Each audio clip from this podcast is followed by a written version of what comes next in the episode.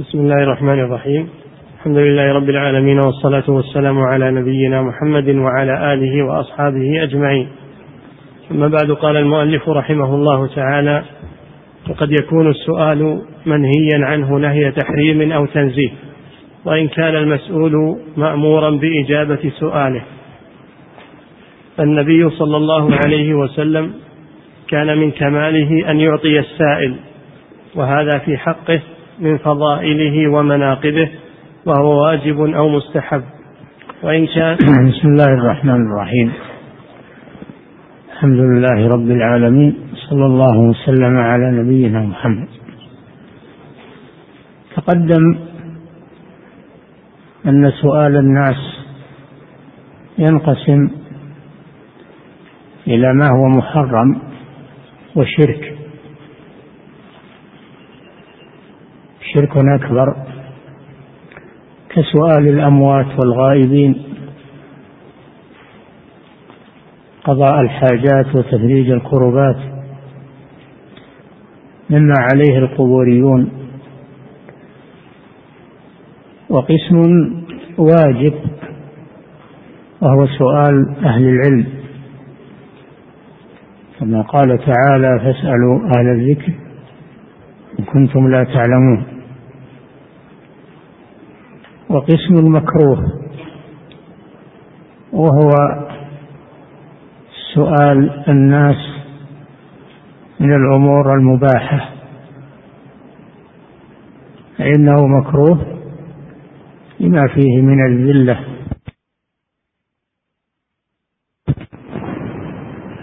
إلى المخلوق. وسؤال مباح متساوي الطرفين.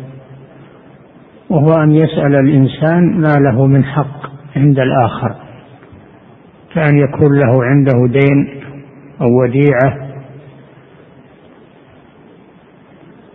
أو يسأل من بيت المال فهذا يسأل شيئا من حقه. هذا مباح إن شاء طلبه وإن شاء تركه. فهذه أقسام السؤال. أربعة. ويكون السؤال مكروها في حق السائل أو محرما يكون مكروها أو محرما في حق السائل. أما المسؤول فإنه يعطي السائل. قوله تعالى وأما السائل فلا تنهر. فالمسؤول يعطي السائل. ولا ولا يمنعه. إنه يقول لعله ما هو محتاج لعله كذا. هذا في ذمة السائل. السائل له حق. وليس المسؤول وليس المسؤول بمسؤول عن استحقاقه أو عدم استحقاقه. ويعطيه كان النبي صلى الله عليه وسلم يعطي السائل لأنه صلى الله عليه وسلم لا يرد سائلا ولو كان السؤال لا يجوز فإنه لا يرد عليه الصلاة والسلام لا يرد سائلا. نعم. وهذا هو الذي ذكره هنا. أعيد العبارة. وقد يكون السؤال منهيا عنه نهي تحريم أو تنزيه وإن كان المسؤول مأمورا بإجابة سؤاله. نعم مأمورا بإعطائه. مأمورا بإعطائه. دون نظر إلى أن أن سؤاله جائز أو غير جائز. هذا مسؤوليته على السائل لا على المسؤول. نعم.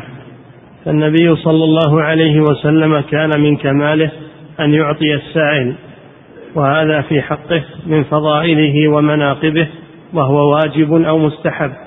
فالرسول صلى الله عليه وسلم كان يعطي السائل ولا يرد سائلا. وهذا من فضائل الرسول صلى الله عليه وسلم ومناقبه.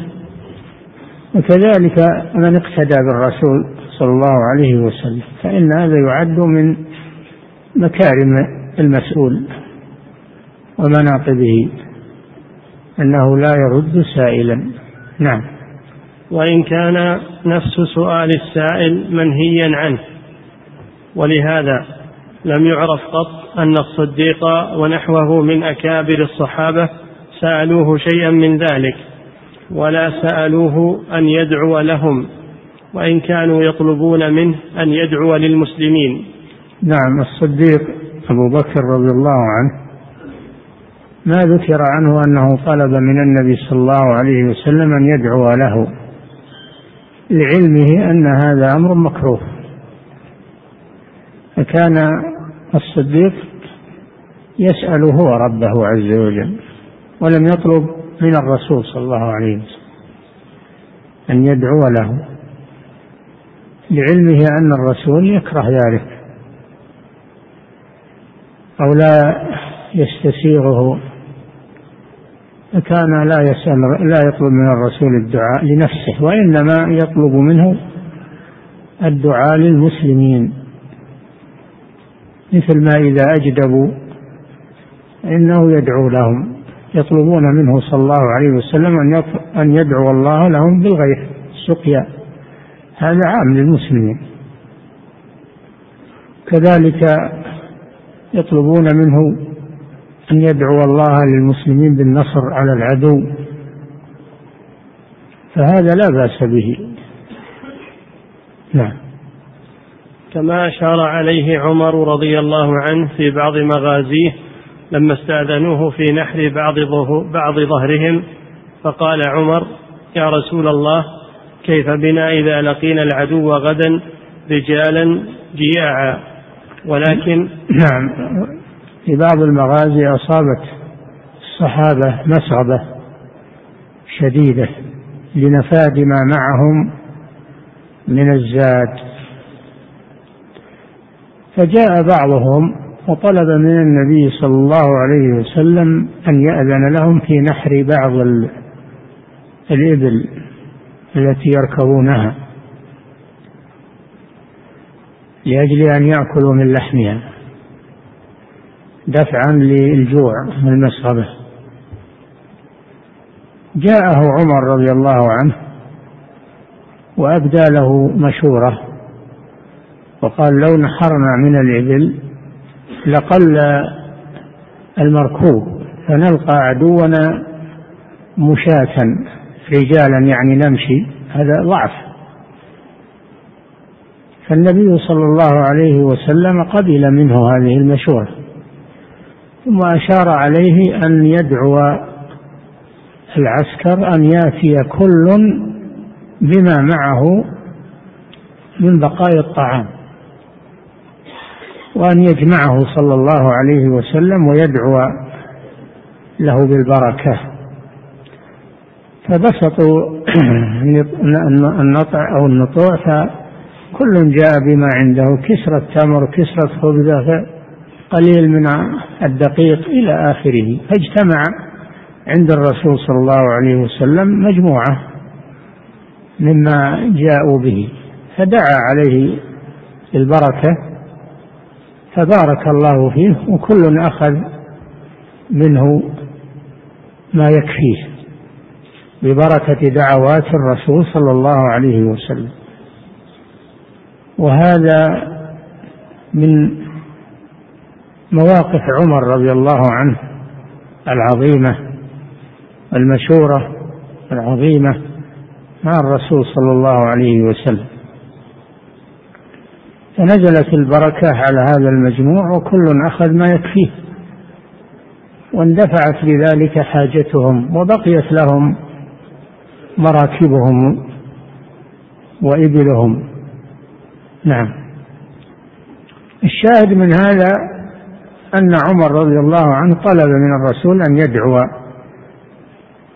أن ينزل الله البركة للعسكر الذين معه. لم يطلب لنفسه إنما طلب للغزو كلهم. نعم. فقال عمر يا رسول الله كيف بنا إذا لقينا العدو غدا رجالا جياعا؟ رجالا يعني ماشيين جياعا ليس معنا شيء. لا شك أن هذا ضعف. فربما يتغلب عليهم العدو وهذا من فاقد نظره رضي الله عنه.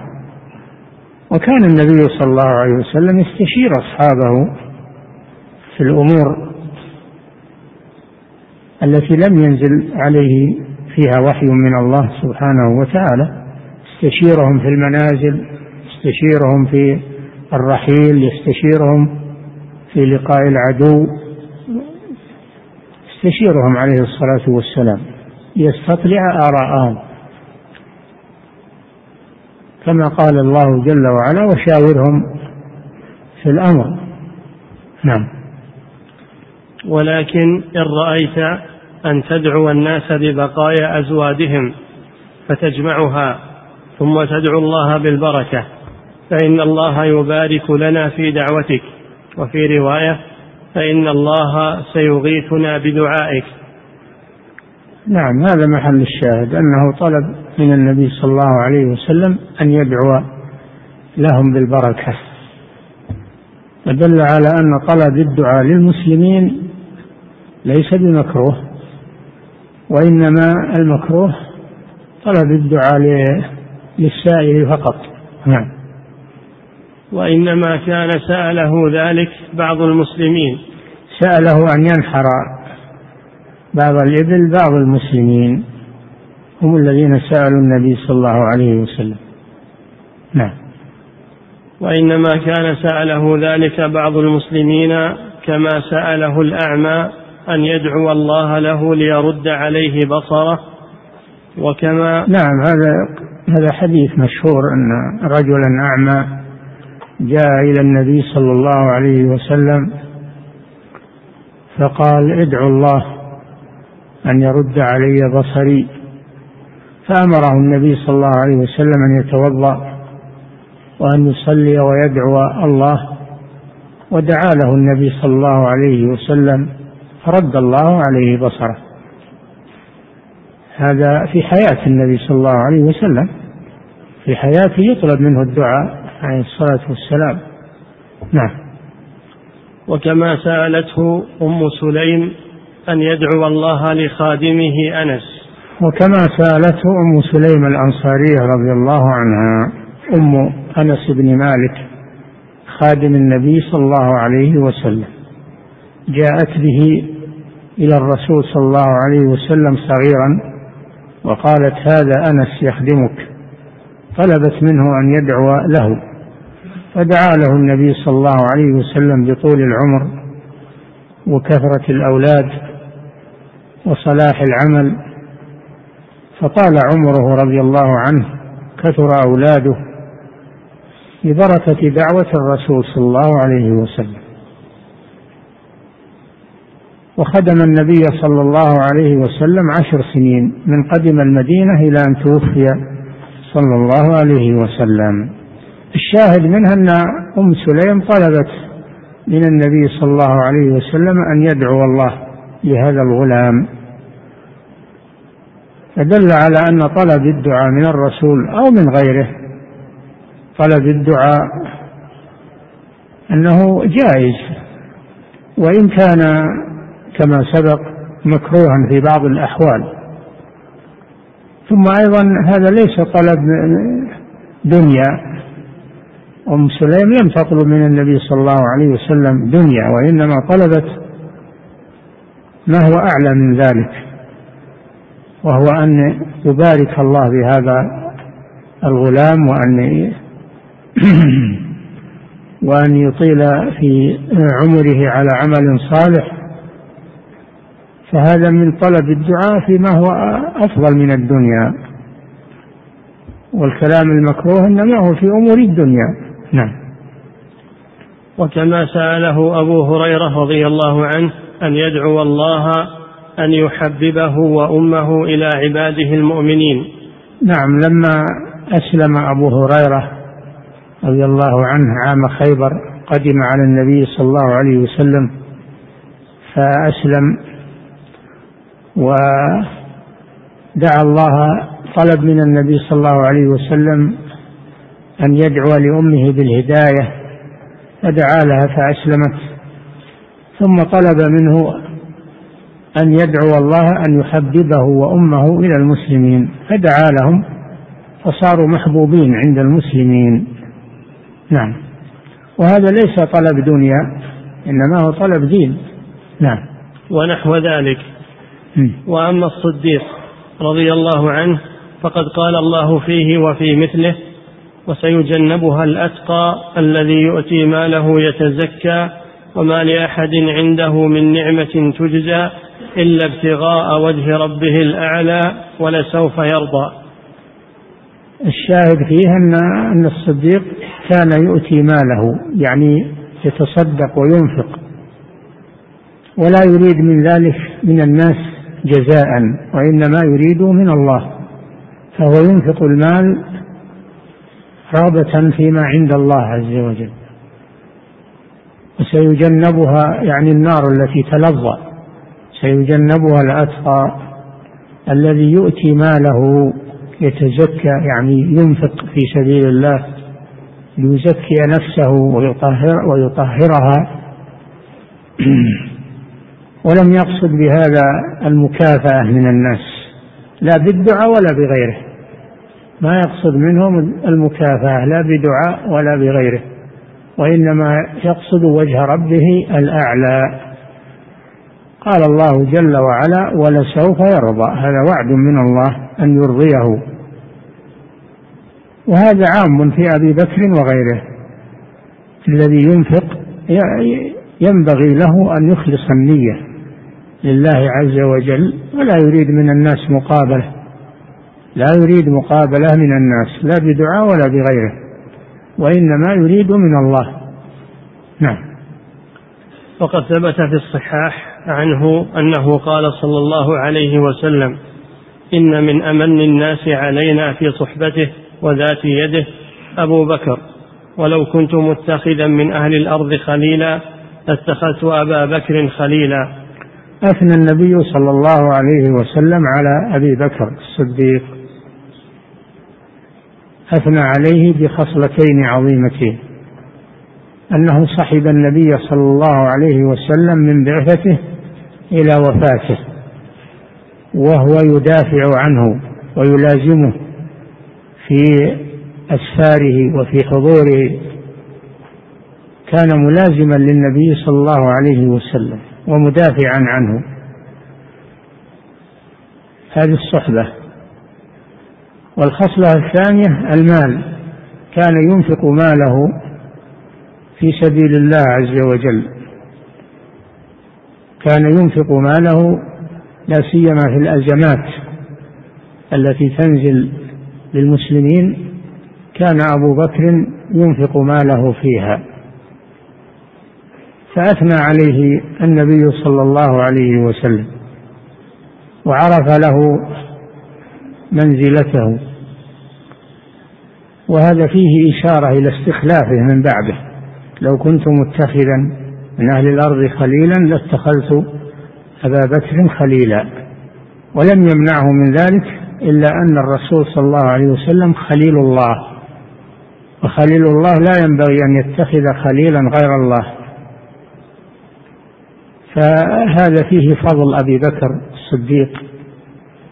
الشاهد منه أنه من بماله على المسلمين وفي مصالح المسلمين وليس المن الذي المراد به المن الذي المراد به طلب المدح أو أو إيذاء الناس بأنه يعطيهم لا المن المراد به العطاء. المن المراد به كثرة العطاء. نعم. فلم يكن في الصحابة أعظم منه. ها؟ فلم يكن في الصحابة أعظم منة من الصديق. أعظم. فلم يكن في الصحابة أعظم منة من الصديق في نفسه. أعظم منة. نعم. فلم يكن في الصحابة أعظم منة من الصديق في نفسه وماله. نعم في نفسه أنه دافع عن النبي صلى الله عليه وسلم وصاحبه ولازمه ويتعرض للأخطار يتعرض للأخطار مع الرسول صلى الله عليه وسلم ليقي النبي صلى الله عليه وسلم بنفسه ويدفع عنه أذى قومه وهذا شيء معروف له. وبماله كان ينفقه في الأزمات في الحوائج حوائج المسلمين. نعم. وكان أبو بكر رضي الله عنه إنما يعمل هذا ابتغاء وجه ربه الأعلى. يؤتي ماله يتزكى. هذا أبو بكر الصديق ومن ومن عمل مثل عمله. يؤتي ماله يتزكى. وما لأحد عنده من نعمة تجزى لا يريد المقابلة. من الناس أو أنه يعطي الناس لأنهم أحسنوا إليه. فكون الإنسان لا يحسن إلا إلى من أحسن إليه هذه مكافأة وليست الفضل والشرف في الذي يحسن إلى الناس عموما من أحسن إليه ومن لم يحسن إليه. نعم. وكان أبو بكر رضي الله عنه إنما يعمل هذا ابتغاء وجه ربه الأعلى لا يطلب جزاء من مخلوق.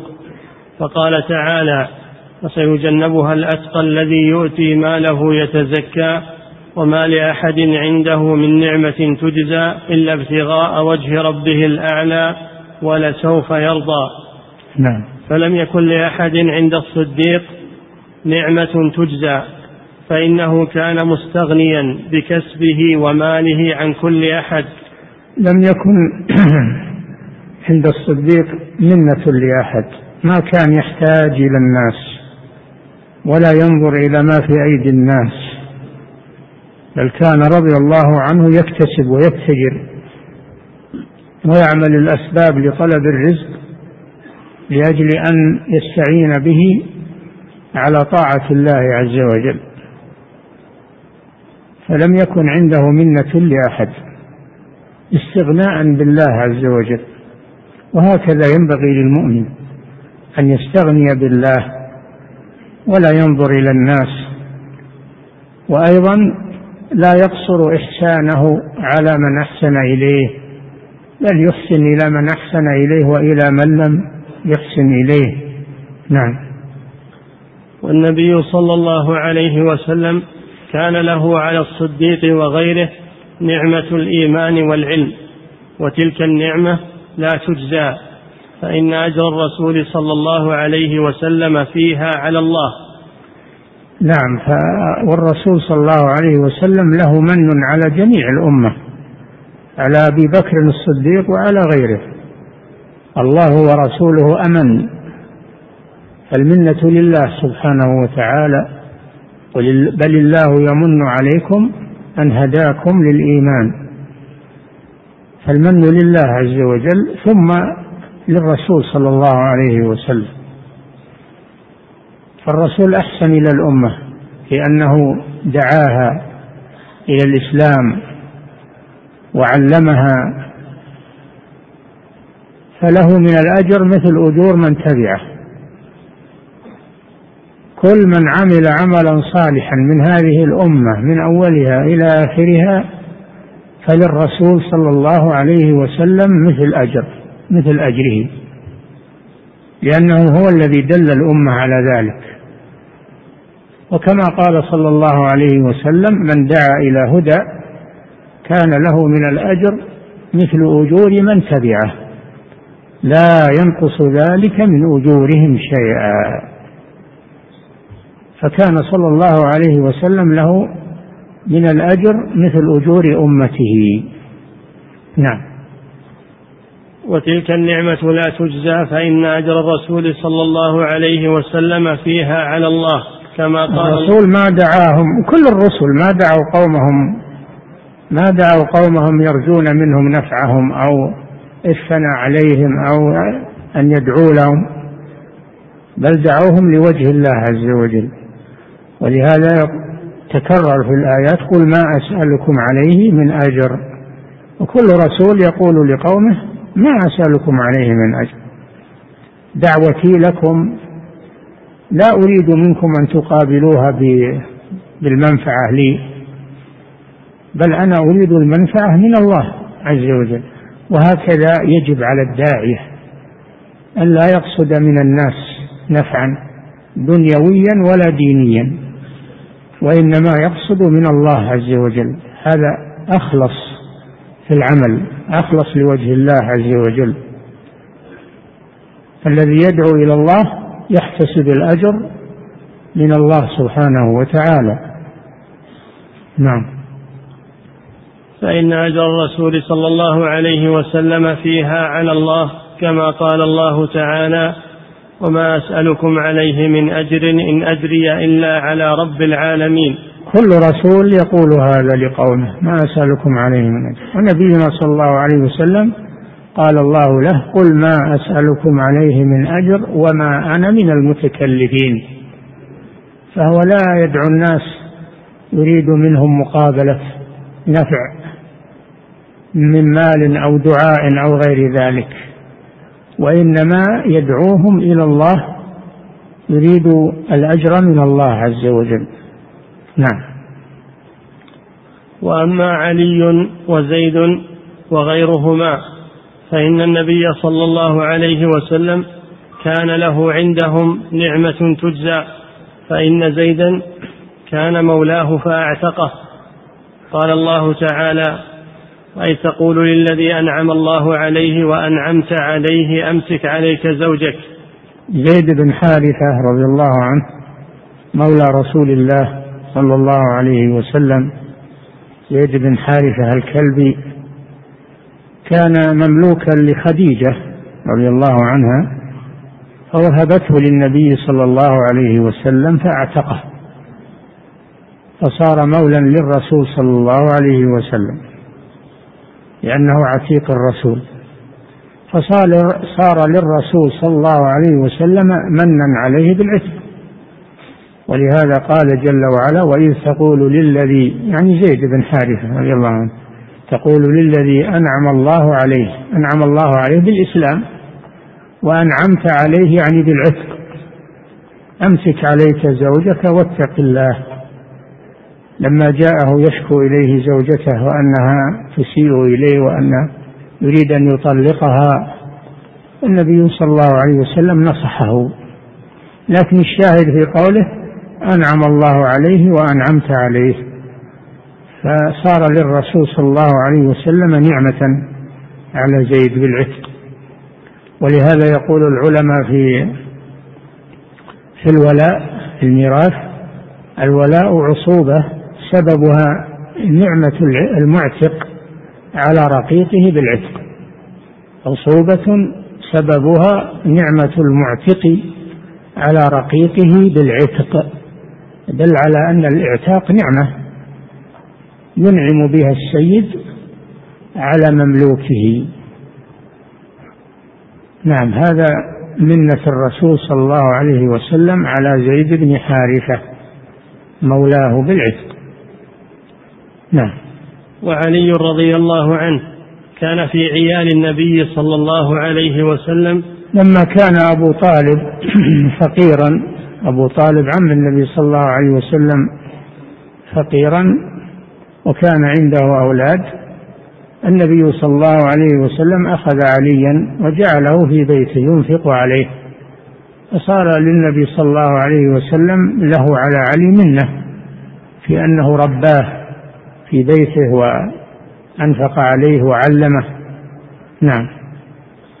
وعلي رضي الله عنه كان في عيال النبي صلى الله عليه وسلم. يعني في بيته. وما هم من عيال النبي هو من من عيال أبي طالب لكن من عياله يعني من من يعولهم. يعني من عائلته الذين يعولهم. نعم. لجدب أصاب أهل مكة فأراد النبي صلى الله عليه وسلم والعباس التخفيف عن أبي طالب من عياله فأخذ النبي صلى الله عليه وسلم عليا إلى عياله واخذ العباس جعفرا إلى عياله وهذا مبسوط في موضع آخر. النبي صلى الله عليه وسلم أخذ عليا وضمه إلى عياله ينفق عليه ويربيه تخفيفا عن أبي طالب. والعباس بن عبد المطلب عم الرسول صلى الله عليه وسلم وأخو أبي طالب أخذ جعفر ابن أبي طالب وضمه إلى عياله. قصدهم من هذا الإحسان إلى أبي طالب والتخفيف عنه. نعم. والمقصود هنا أن الصديق كان أمن الناس في صحبته وذات يده لأفضل الخلق رسول الله صلى الله عليه وسلم لكونه كان ينفق ماله في سبيل الله كاشترائه المعذبين. نعم أبو بكر رضي الله عنه كان أمن الناس على الرسول صلى الله عليه وسلم بنفسه وبماله كما سبق. ومن منته بماله رضي الله عنه أنه كان يشتري المعذبين لأن بلالا وغيره ممن أسلموا في مكة جعل المشركون يعذبونهم لأجل أن يرتدوا عن الإسلام. أسيادهم جعل أسيادهم يعذبونهم من أجل أن يرتدوا عن الإسلام. فيأتي أبو بكر رضي الله عنه فيشتريهم ويعتقهم. ومن هؤلاء بلال رضي الله عنه فإن أبا بكر اشتراه وأعتقه وخلصه من المشركين ومن أذاهم. فهذا من عمل أبي بكر الجليل رضي الله عنه. لا يقصد من هذا إلا وجه الله سبحانه وتعالى. نعم. ولم يكن النبي صلى الله عليه وسلم محتاجا في خاصة نفسه لا إلى أبي بكر ولا غيره. بل بل لما قال له في سفر الهجرة إن عندي راحلتين. النبي صلى الله عليه وسلم وكان أبو بكر يجود على النبي صلى الله عليه وسلم. لا بمعنى أنه يجود على نفس النبي صلى الله عليه وسلم لأن الرسول أغناه الله من عنده وإنما يجود عليه فيما ينفقه في سبيل الله. كان يجود على النبي صلى الله عليه وسلم في الأزمات التي تعرض للرسول صلى الله عليه وسلم في سبيل الله.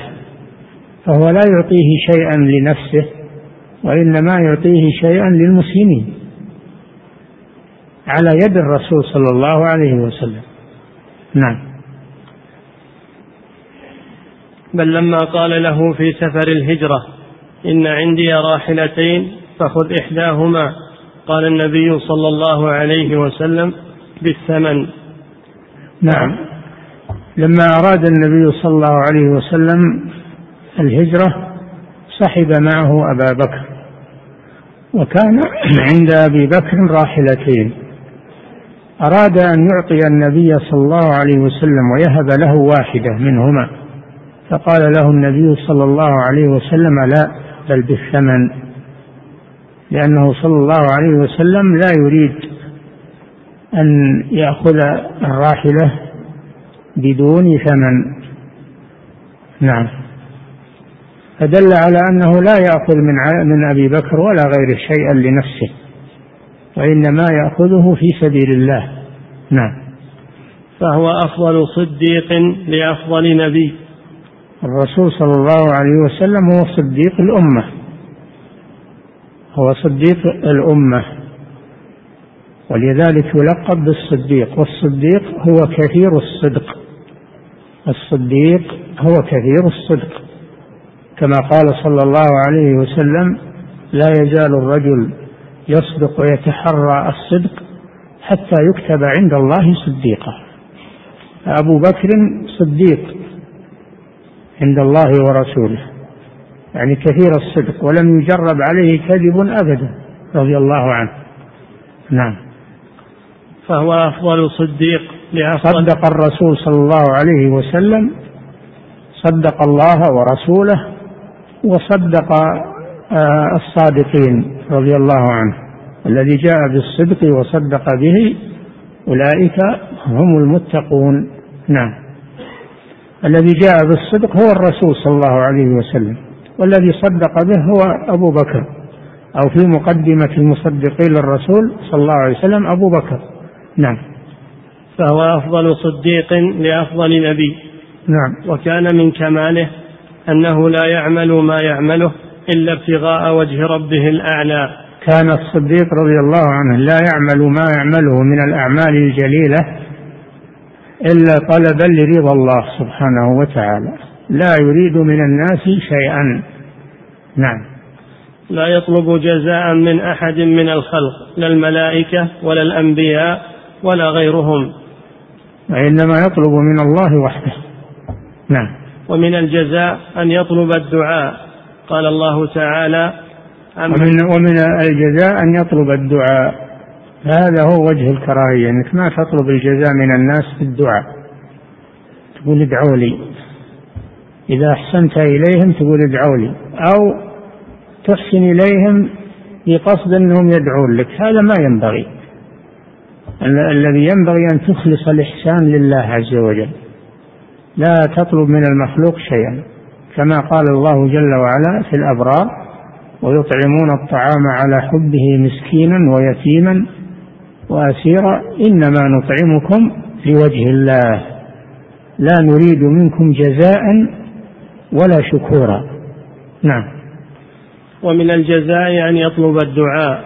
قال الله تعالى من الجزاء الذي لا ينبغي أن يطلبه المحسن طلب الدعاء فيترك هذا نعم قال الله تعالى عمن أثنى عليهم إنما نطعمكم لوجه الله لا نريد منكم جزاء ولا شكورا والدعاء جزاء كما. في الحديث من أسدى إليكم معروفا فكافئوه فإن لم تجدوا ما تكافئونه به فإن لم تجدوا ما تكافئونه به فادعوا له حتى تعلموا أن قد أن قد كافأتموه. فجعل صلى الله عليه وسلم الدعاء مكافأة على على الإحسان.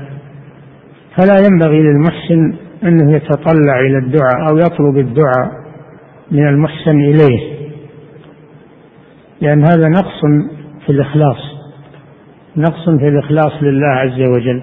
نعم. وكانت عائشة رضي الله عنها إذا أرسلت إلى قوم بصدقة تقول للرسول اسمع ما يدعون به لنا حتى ندعو لهم بمثل ما دعوا لنا ويبقى أجرنا على الله. هذه عائشة أم المؤمنين ما كانت تريد الدعاء من الناس كانت تحسن إلى الناس ولا تريد الدعاء منهم. وحتى لو دعوا فإنها تدعو لهم في مقابل دعائهم لئلا يبقى لهم منة. ولهذا كانت توصي مندوبها بالصدقة أن يستمع ما يقولون فإذا دعوا لعائشة دعت لهم بمثله من أجل المقابلة. نعم. فهذا من الإخلاص. هذا من الإخلاص لله عز وجل. نعم. وقال بعض السلف إذا قال لك السائل بارك الله فيك فقل وفيك بارك الله. نعم إذا قال لك بارك الله فيك رد عليه وقل وفيك. يعني بارك الله فيك ولا تسكت لأجل تقابل دعاءه بدعاء ولا يبقى له فضل عليك ولا يبقى له فضل عليك. وقد كافأته كما سبق بالدعاء حتى لا يبقى فضل لأحد عليك إلا الله سبحانه وتعالى. هذا كله عود على ما سبق من أنه لا يسأل المخلوقين وإنما يسأل الله. السؤال الجائز فكيف بالسؤال المحرم والشرك؟ أن يسأل من الأموات أو من الغائبين؟ هذا سؤال كفر وشرك بالله عز وجل. نعم.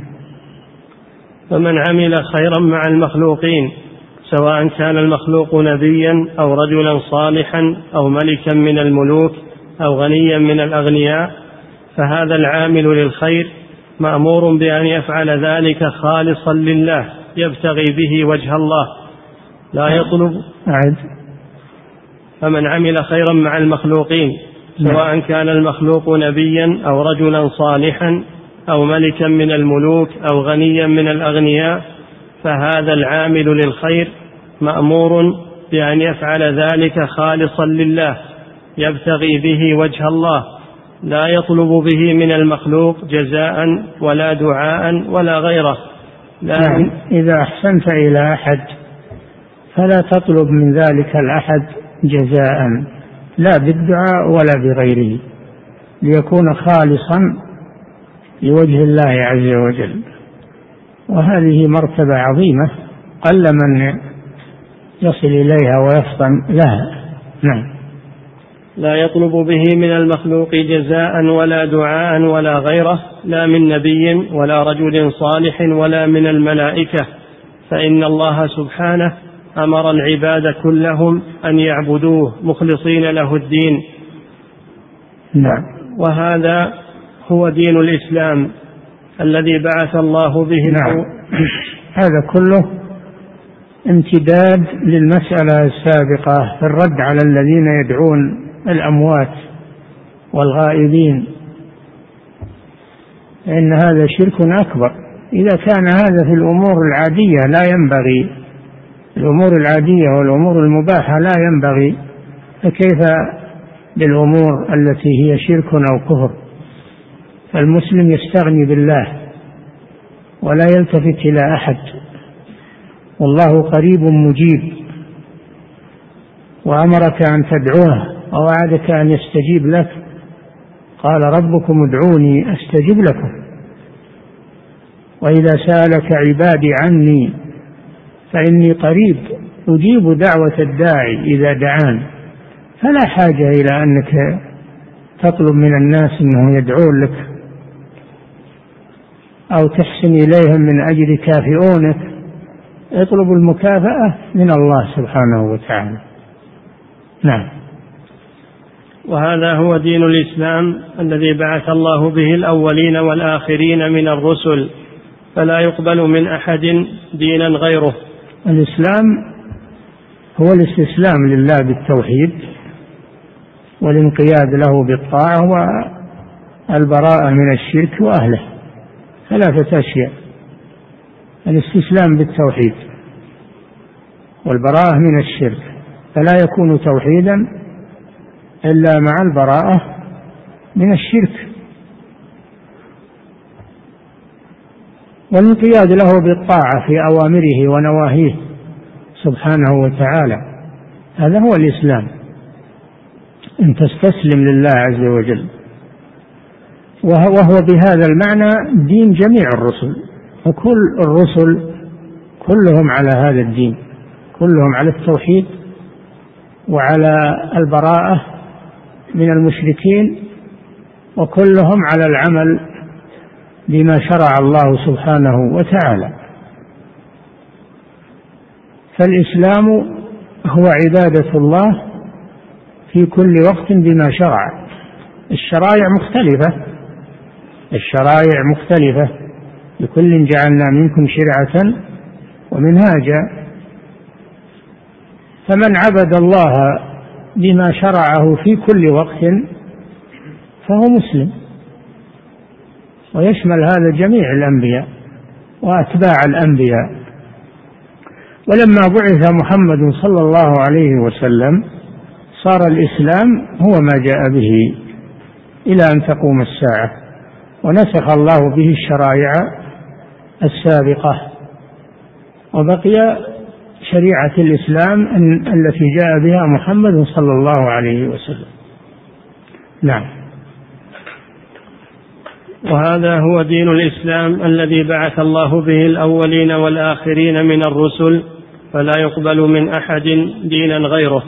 قال الله نعم. تعالى فلا يقبل من أحد دينا غيره. نعم. قال الله تعالى ومن يبتغي غير الإسلام دينا فلن يقبل منه وهو في الآخرة من الخاسرين. نعم. من يبتغي غير الإسلام في جميع الأوقات. هو المراد به خصوص الإسلام الذي جاء به محمد صلى الله عليه وسلم. هذا قبل أن يبعث الرسول صلى الله عليه وسلم. المراد بالإسلام عبادة الله في كل وقت بما شرع في ذلك الوقت. في ذلك الوقت. فالذين كانوا من أتباع نوح عليه السلام كانوا مسلمين والذين من أتباع إبراهيم مسلمين الذين كانوا من أتباع موسى مسلمين الذين كانوا من أتباع المسيح ابن مريم مسلمين. وكل من عبد الله بما شرع في وقته فإنه مسلم. نعم. كان نوح وإبراهيم وموسى والمسيح وسائر أتباع الأنبياء عليهم السلام على الإسلام. على الإسلام. الإسلام العام. نعم. قال نوح وأمرت أن أكون من المسلمين. قال نوح عليه السلام وأمرت أن أكون من المسلمين. أي أن أخلص العبادة لله عز وجل وأترك عبادة ما سواه وأعمل بما شرعه الله سبحانه وتعالى. نعم. وقال عن إبراهيم عليه السلام ومن يرغب عن ملة إبراهيم إلا من سفه نفسه ولقد اصطفيناه في الدنيا وإنه في الآخرة لمن الصالحين. قال له ربه أسلم. قال أسلمت لرب العالمين ووصى بها إبراهيم بنيه ويعقوب يا بني إن الله اصطفى لكم الدين فلا تموتن إلا وأنتم مسلمون. نعم. فهذا إبراهيم من المسلمين ويعقوب حفيده يعقوب الذي هو إسرائيل حفيد إبراهيم من المسلمين. فكل فكل نبي وكل من اتبع الأنبياء فإنه مسلم. فإنه مسلم. لكن بعد ما بعث النبي صلى الله عليه وسلم لم يبقى إسلام إلا باتباعه صلى الله عليه وسلم. فالذي يبقى على اليهودية أو على النصرانية بعد بعثة محمد صلى الله عليه وسلم هذا كافر لأنه يعمل بدين منسوخ والعمل إنما يكون بالناسخ ويترك المنسوخ. هو كان دينا في وقته قبل أن ينسخ لكن لما نسخ لم يبقى دينا لله عز وجل. صير دين الله هو الناسخ. نعم. وقال موسى يا قوم إن كنتم آمنتم بالله فعليه توكلوا إن كنتم مسلمين. نعم. وقالت السحرة ربنا أفرغ علينا صبرا وتوفنا مسلمين. نعم. وقال يوسف توفني مسلما وألحقني بالصالحين. نعم. وقال تعالى إنا أنزلنا التوراة فيها هدى ونور يحكم بها النبيون الذين أسلموا للذين هادوا. يحكم بها النبيون. الذين أسلموا هذا مفعول. أي النبيون يحكمون الذين أسلموا. فأتباع الرسل مسلمون. نعم. وقال عن الحواريين. وإذا أوحيت إلى الحواريين أن آمنوا بي وبرسولي قالوا آمنا واشهد بأننا مسلمون. الحواريون أتباع عيسى عليه السلام. الحواريون هم الأتباع. وأتباع عيسى يقال لهم الحواريون. والحواريون قالوا آمنا بالله واشهد بأننا مسلمون. وفي الآية الأخرى واشهد بأننا مسلمون. في آل عمران واشهد بأننا مسلمون. وفي المائدة واشهد بأننا مسلمون. نعم. ودين الإسلام مبني على أصلين. دين الإسلام جميع الملل الإلهية مبني على أصلين الإخلاص لله والمتابعة للرسول. الإخلاص لله فهذا ينفي الشرك والمتابعة للرسول هذا ينفي البدعة لأنه لا يعبد الله إلا بما جاء به الرسول صلى الله عليه وسلم. نعم. ودين الإسلام مبني على أصلين. أن نعبد الله وحده لا شريك له وأن نعبده بما شرعه من الدين. بما شرعه من الدين لا بأهوائنا وإحداثات فلان أو علان وإنما بما شرعه الله. ولهذا قال صلى الله عليه وسلم من عمل عملا ليس عليه أمرنا فهو رد. وقال وإياكم ومحدثات الأمور فإن كل محدثة بدعة وكل بدعة ضلال. وهذا كما في قوله تعالى بلى من أسلم وجهه لله وهو محسن. أسلم وجهه هذا الإخلاص. وهو محسن أي متبع للرسول صلى الله عليه وسلم. نعم. أن نعبد الله وحده لا شريك له وأن نعبده بما شرعه من الدين وهو ما أمرت به الرسل أمر إيجاب أو أمر استحباب. فيعبد نعم. كل الإسلام مبني على أصلين. الإسلام في عهد نوح في عهد إبراهيم في عهد كل نبي مبني على أصلين. الإخلاص لله والمتابعة لذلك الرسول الذي في وقته الذي في وقته. هذا هو الإسلام. نعم. فيعبد في كل زمان بما أمر به في ذلك. في كل زمان. نعم. فيعبد في كل زمان بما أمر به في ذلك الزمان. في ذلك الزمان. فإذا نسخ يتحول منه إلى الناسخ. نعم. فلما كانت فلما كانت شريعة التوراة محكمة كان العاملون بها مسلمين. قبل أن تنسخ المحكم غير المنسوخ. لأن لأن لأن النصوص تنقسم إلى قسمين. محكم هذا الذي لم ينسخ ومنسوخ. هذا يسمى غير محكم. المنسوخ غير محكم. نعم. النسخ والإحكام نعم. فلما كانت شريعة التوراة محكمة كان العاملون بها مسلمين. في وقتها نعم. وكذلك لما كانت محكمة يعني غير منسوخة كان العاملون بها مسلمين. نعم. وكذلك شريعة الإنجيل. شريعة الإنجيل شريعة عيسى عليه السلام كان العاملون بها في وقتهم مسلمين ولذلك قال واشهد بأننا مسلمون. نعم. وكذلك في أول الإسلام لما كان النبي صلى الله عليه وسلم يصلي إلى بيت المقدس كانت صلاته إليه من الإسلام. نعم. النبي صلى الله عليه وسلم أول ما فرضت الصلاة في مكة كان يصلي إلى بيت المقدس لأنه لم يؤمر بالتحول لكنه كان يجعل الكعبة بينه وبين بيت المقدس. ثم لما هاجر إلى المدينة أيضا كان يصلي إلى بيت المقدس وصلى معه المسلمون في المدينة إلى بيت المقدس. ثم لما أمره الله بالتوجه إلى الكعبة توجه إليها. الصلاة التي صلوها إلى بيت المقدس هي من الإسلام لأنها عمل بما شرع الله في ذلك الوقت. ولهذا لما تأسف الصحابة بعد تحول القبلة تأسفوا على الأموات الذين ماتوا وهم يصلون إلى بيت المقدس فأنزل الله تعالى قوله وما كان الله ليضيع ما كان الله ليضيع إيمانكم إن الله بالناس لرؤوف رحيم. يعني صلاتكم إلى بيت المقدس. وهذا يدل على أن العمل من الإيمان. يعني سمى الصلاة إيمانا. ما كان الله ليضيع إيمانكم أي صلاتكم إلى بيت المقدس لأنها مشروعة في ذاك الوقت. نعم. وكذلك في أول الإسلام لما كان النبي صلى الله عليه وسلم يصلي إلى بيت المقدس كانت صلاته إليه من الإسلام ولما أمر بالتوجه إلى الكعبة كانت الصلاة إليها من الإسلام. الصلاة إلى الكعبة صارت من الإسلام لأنها بأمر الله سبحانه وتعالى.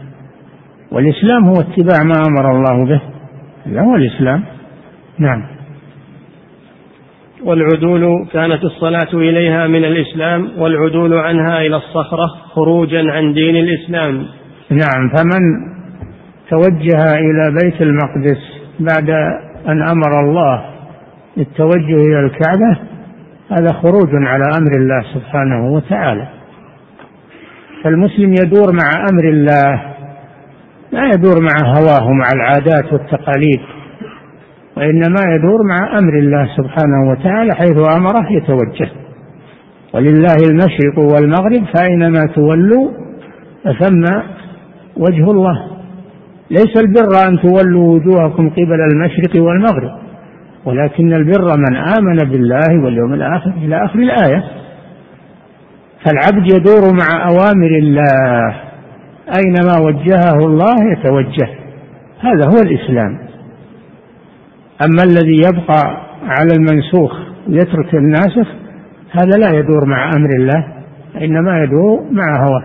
وما جعلنا القبلة التي كنت عليها إلا لنعلم من يتبع الرسول ممن ينقلب على عقبيه. الذي يبقى على الصلاة إلى بيت المقدس هذا قد انقلب على عقبيه والعياذ بالله. وارتد عن دين الإسلام. نعم.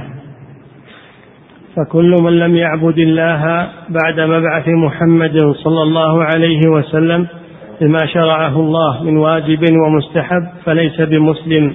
كل من لم يعبد الله قبل بعثة محمد صلى الله عليه وسلم ولم يتبع الأنبياء فهو مشرك وكافر. وكل من اتبع نبيا من الأنبياء وعمل بشريعته فهو مسلم في وقته. نعم. فكل فكل من لم يعبد الله بعد مبعث محمد صلى الله عليه وسلم بما شرعه الله من واجب ومستحب فليس بمسلم ولا بد في جميع الواجبات والمستحبات أن تكون خالصة لله رب العالمين. نعم هذا هو الشرط الأول. نعم. كما قال تعالى وما تفرق الذين أوتوا الكتاب إلا من بعد ما جاءتهم البينة وما أمروا إلا ليعبدوا الله مخلصين له الدين حنفاء ويقيموا الصلاة ويؤتوا الزكاة وذلك دين القيمة. ما أمروا إلا ليعبدوا الله مخلصين. مخلصين له الدين يعني العبادة. لئلا يقصدوا بها غير الله سبحانه وتعالى. لأن الله لا يقبل إلا ما كان خالصا لوجهه سبحانه وما كان فيه شرك فإن الله لا يقبله. نعم. وقال الله تعالى تنزيل الكتاب من الله العزيز الحكيم إنا أنزلنا إليك الكتاب بالحق فاعبد الله مخلصا له الدين ألا لله الدين الخالص. فاعبد الله مخلصا له الدين. ثم قال ألا لله الدين الخالص. فدل على أن الذي فيه شرك ليس لله ولا يقبله الله. ما داخله الشرك فإن الله لا يقبله ويرده على صاحبه وإنما يقبل الله ما كان خالصا لوجهه سبحانه وتعالى. نعم. فكل ما يفعله المسلم فكل ما يفعله المسلم من القرب الواجبة والمستحبة كالإيمان بالله ورسوله والعبادات البدنية والمالية ومحبة الله ورسوله والإحسان إلى عباد الله بالنفع والمال هو مأمور بأن يفعله هو مأمور بأن يفعله خالصا لله رب العالمين. نعم. لا يطلب من مخلوق عليه جزاء لا دعاء ولا غير دعاء. هذا رجوع إلى المسألة التي مرت. فالإنسان يخلص عمله لله ولا يرجو من الخلق لا دعاء ولا غيره وإنما يرجو من الله سبحانه وتعالى. نعم. فهذا مما لا يسوغ أن يطلب عليه جزاء لا دعاء ولا غيره.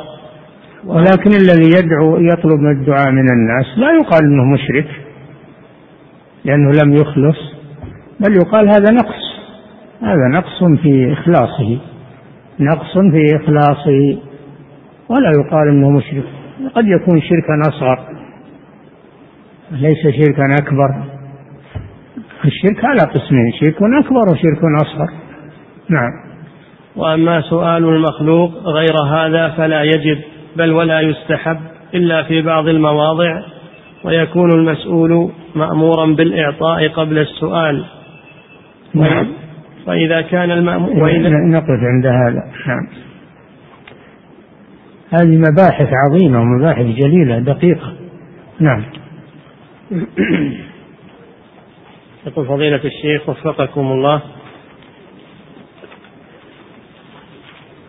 الخلة منزلة عالية أعطيها إبراهيم عليه السلام وأعطيها نبينا محمد صلى الله عليه وسلم مثلما أعطي إبراهيم لقوله صلى الله عليه وسلم إن الله قد اتخذني خليلا كما اتخذ إبراهيم خليلا.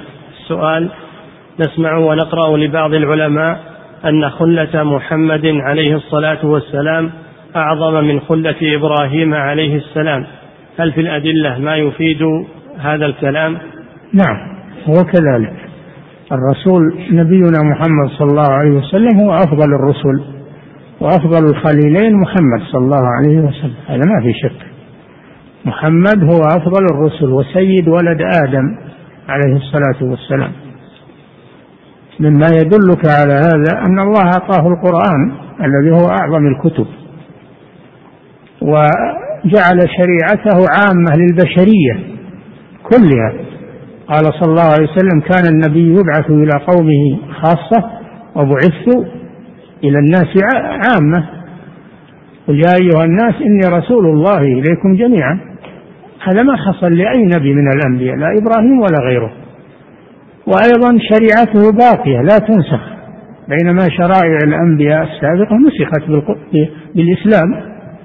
هذا كله يدل على أن نبينا هو أفضل الرسل عليه الصلاة والسلام. نعم.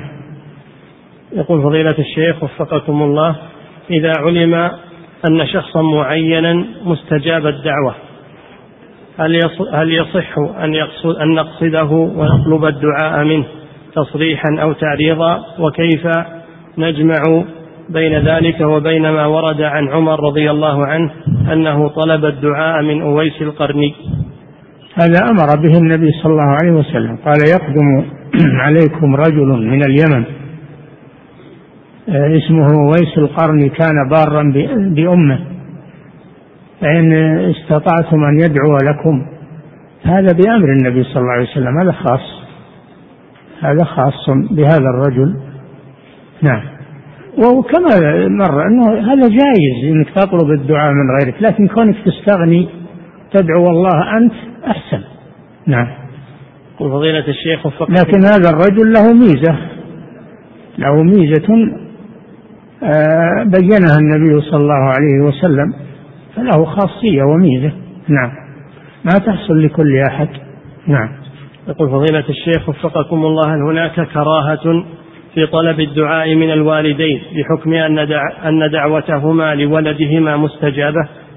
هو جائز إنك تطلب الدعاء من أي مسلم لكن كونك تستغني عن الوالدين وغيرهم تتوجه أنت إلى الله هذا أفضل وأخلص في العمل أنتم لا تفهمون إن هذا ممنوع هذا جائز لكن كونك أنت تتوجه إلى الله تعبد الله لأن الدعاء عبادة. لا تتكل على عبادة غيرك أن تدعو الله عز وجل. والله قريب مجيب. فهذا أفضل من إنك تطلب من أحد انه يدعو لك وإن كان هذا جائزا. فالاستغناء عن الجائز أحسن.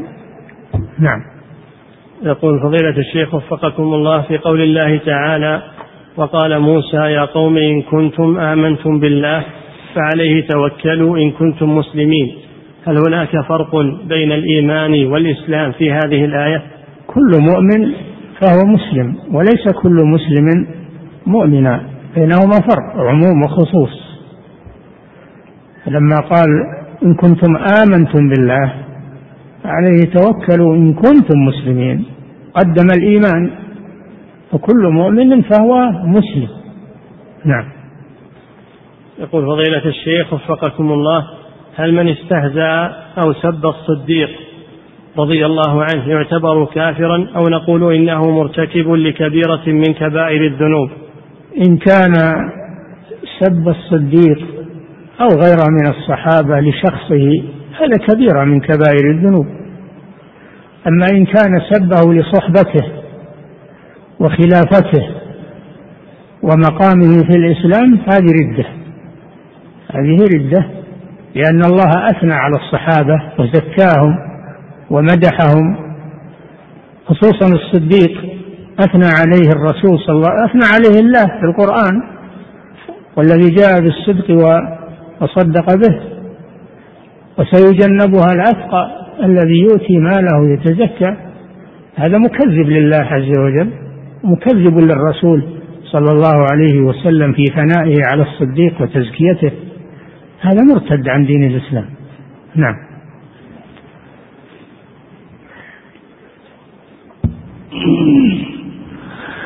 الله أكبر. الله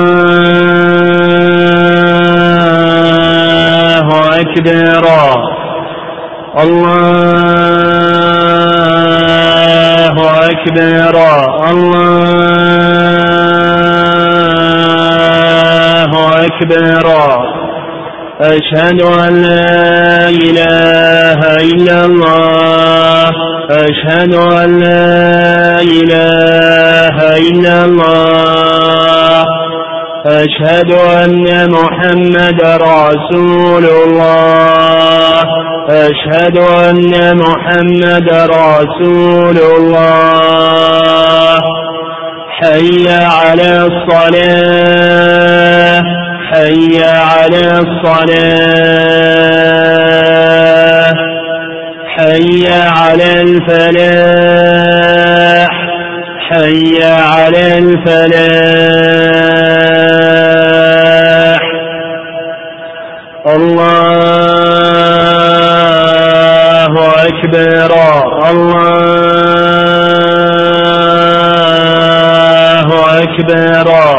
لا إله إلا الله.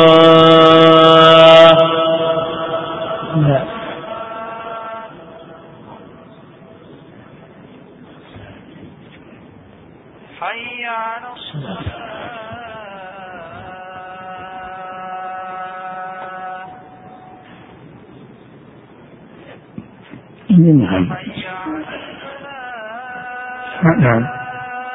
يقول فضيلة الشيخ وفقكم الله. إذا أحسنت إلى أحد قاصدا وجه الله ولكن المحسن إليه يريد أن يجزيني هل قبول هذا الجزاء؟ يعد نقصا في الإخلاص؟ إذا هو ابتدأك بهذا ولم تتطلع إليه فلا يعد نقصا بالإخلاص لأنك لم تقصده وإنما هو الذي فعل هذا. نعم. يقول فضيلة الشيخ وفقكم الله هل من يقوم بإلقاء كلمة وعظية في أي مكان وقام الحضور بالدعاء له بدون أن يطلب منهم فهل يعد ذلك نقصا في إخلاصه وماذا يفعل؟ مثل الجواب اللي قبله إذا كان ما طلب ما قصد أنهم يدعون له وإنما قصد نفعهم والإحسان إليهم وتعليمهم فلا ينقص ذلك من أجره شيئا لأنه ما طلب هذا منهم نعم يقول فضيلة الشيخ وفقكم الله هل يجوز أن يذكر الصديق لصديقه هذه الكلمة؟ لو كنت متخذا أحدا خليلا لاتخذتك خليلا. هذا خاص بالرسول صلى الله عليه وسلم. مع الله خاص بالرسول مع الله. أما بين الناس فلا مانع أنك تأخذ تتخذ خليلا. والصحابة اتخذوا الرسول صلى الله عليه وسلم خليلا. قال قال أبو ذر أرساني خليلي. رسول الله صلى الله عليه وسلم. أبو هريرة قال لي خليلي رسول. إنما الرسول هو الذي لا يتخذ من الناس خليلا. أما أن الناس يتخذون بعضهم بعض أخلاء و- أو يتخذون الرسول صلى الله عليه وسلم خليلا فلا مانع من ذلك. نعم.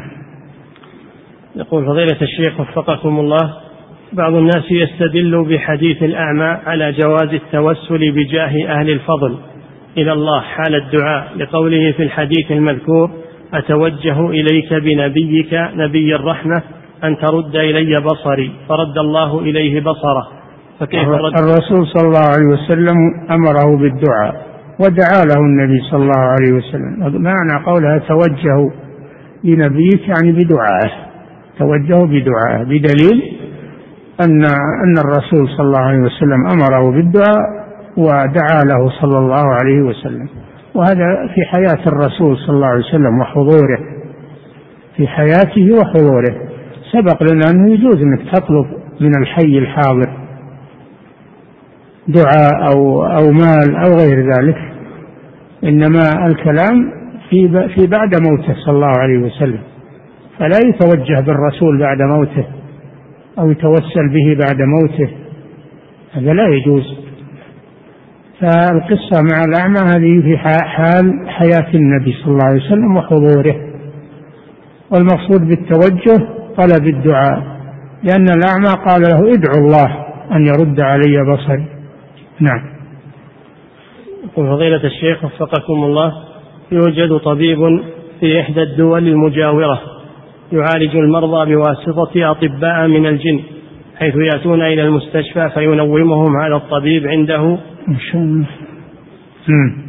فينومهم عنده وقبل التنويم يخبرهم بنوع المرض ثم يشغل لهم أشرطة القرآن حتى يناموا ثم يعمل لهم العملية بواسطة الجن المسلمين. السؤال ما رأي فضيلتكم بهذا العمل؟ وهل يجوز الاستعانة بالجن المسلم؟ وهل يجوز الذهاب لهذا الطبيب؟ هذا مشعوذ ودجال ولا يجوز الذهاب إليه. يدخل في الكهان وفي السحرة. قال صلى الله عليه وسلم من أتى كاهنا صدقه بما يقول فقد كفر بما أنزل على محمد. والجن غائبون. لا يجوز الاستعانة بالغائبين. عالم غائب عنا. لا يجوز الاستعانة بهم. ثم أيضا من اللي يضمن أنهم مسلمون؟ قد يكونون من شياطين ويريدون تضليل الناس. الحاصل أن هذا دجال ولا يجوز الذهاب إليه. ومن ذهب إليه فإنه يدخل في الحديث. من أتى كاهنا صدقه بما يقول فقد كفر بما أنزل على محمد صلى الله عليه وسلم. وقال صلى الله عليه وسلم ليس منا من تكهن أو تكهن له أو سحر أو سحر له. نعم. أو تطير أو تطير له. نعم. يقول فضيلة الشيخ وفقكم الله هل نأثم على وجود من يتوسل بالقبور في الدول المجاورة جهلا منه ونحن لم نقم بدعوته ولم نعلمه؟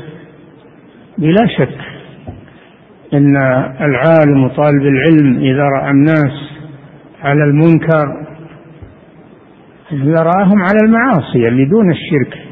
ولم ينههم أنه آثم. فكيف إذا رآهم على الشرك أو وسائل الشرك ولا يبين لهم؟ يكون آثما وكاتما للعلم.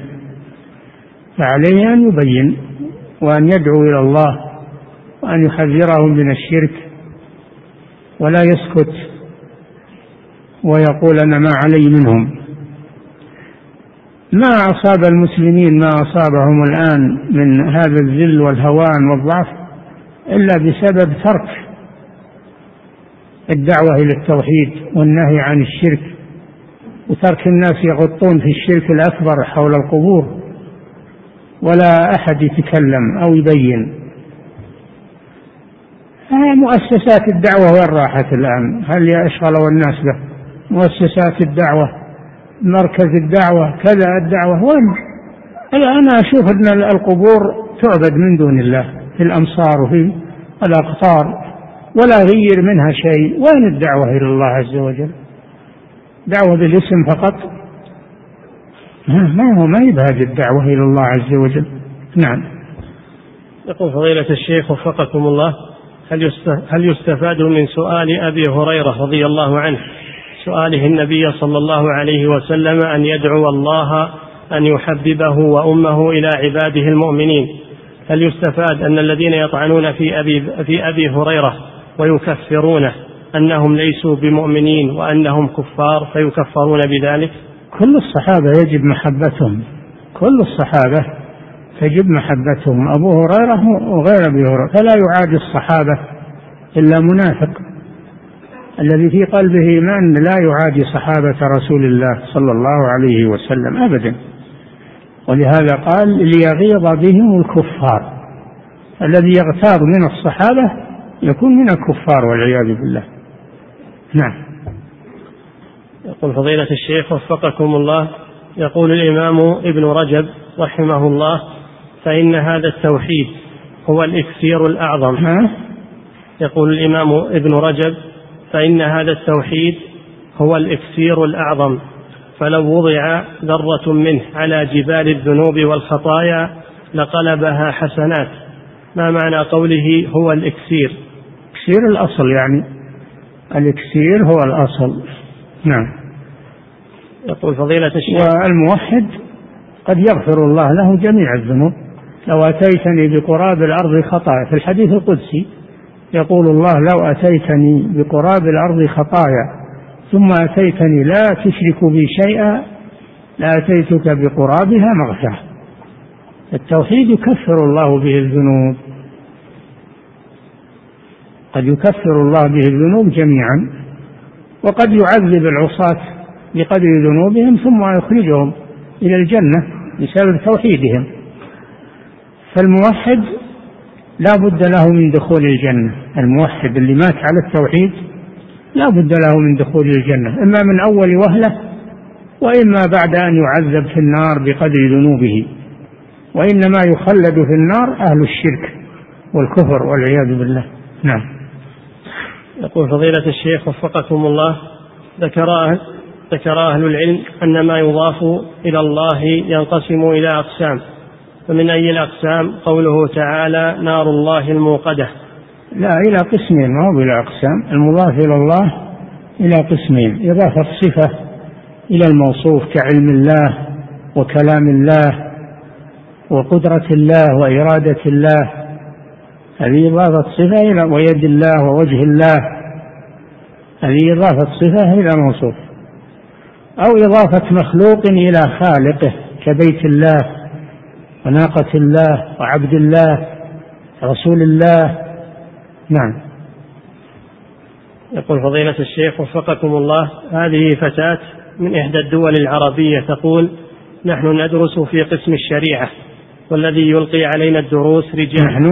هذه فتاة إيش؟ من إحدى الدول العربية. نعم. تقول نحن ندرس في قسم الشريعة والذي يلقي علينا الدروس رجال. علما أن الذين في القاعة كلهم من النساء وهن محتشمات لا يظهر منهن شيء ولا يتخاطبن مع المحاضر وإنما الأسئلة تكون في ورقة فهل يجوز لها الدراسة في هذا القسم؟ أولا لابد أن, أن تكون اللي تعلم النساء وتقبل بالنساء من النساء معلمة من النساء كما عندنا في المملكة الآن والحمد لله أن النساء يتعلمن على أيدي النساء ولا مانع أن يدرسهن رجل من وراء الشبكة المغلقة من وراء الشبكة المغلقة.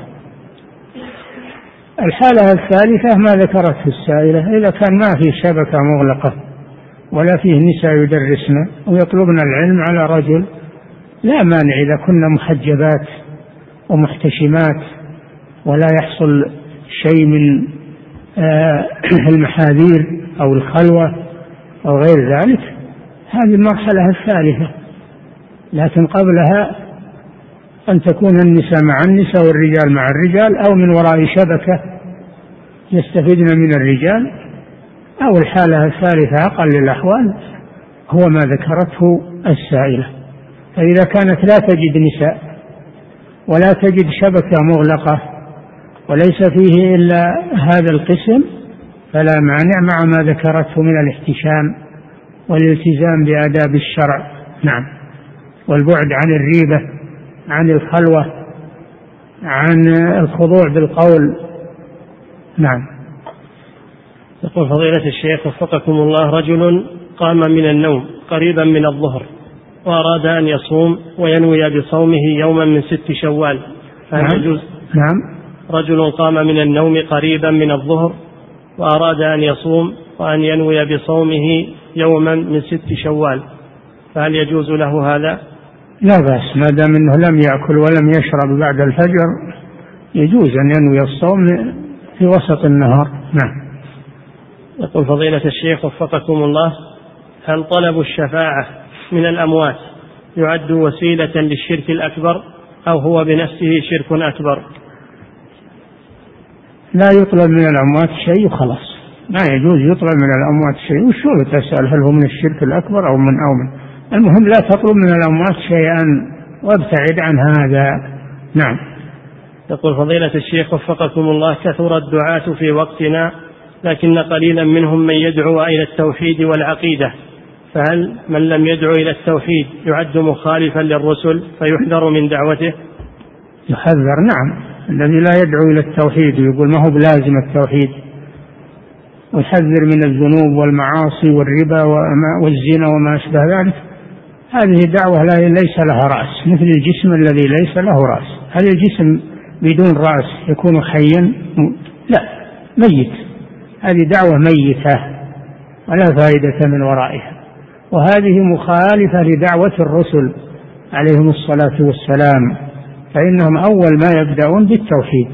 فإذا تقرر التوحيد وتحقق التوحيد صاروا يعلمون الناس أمور دينهم.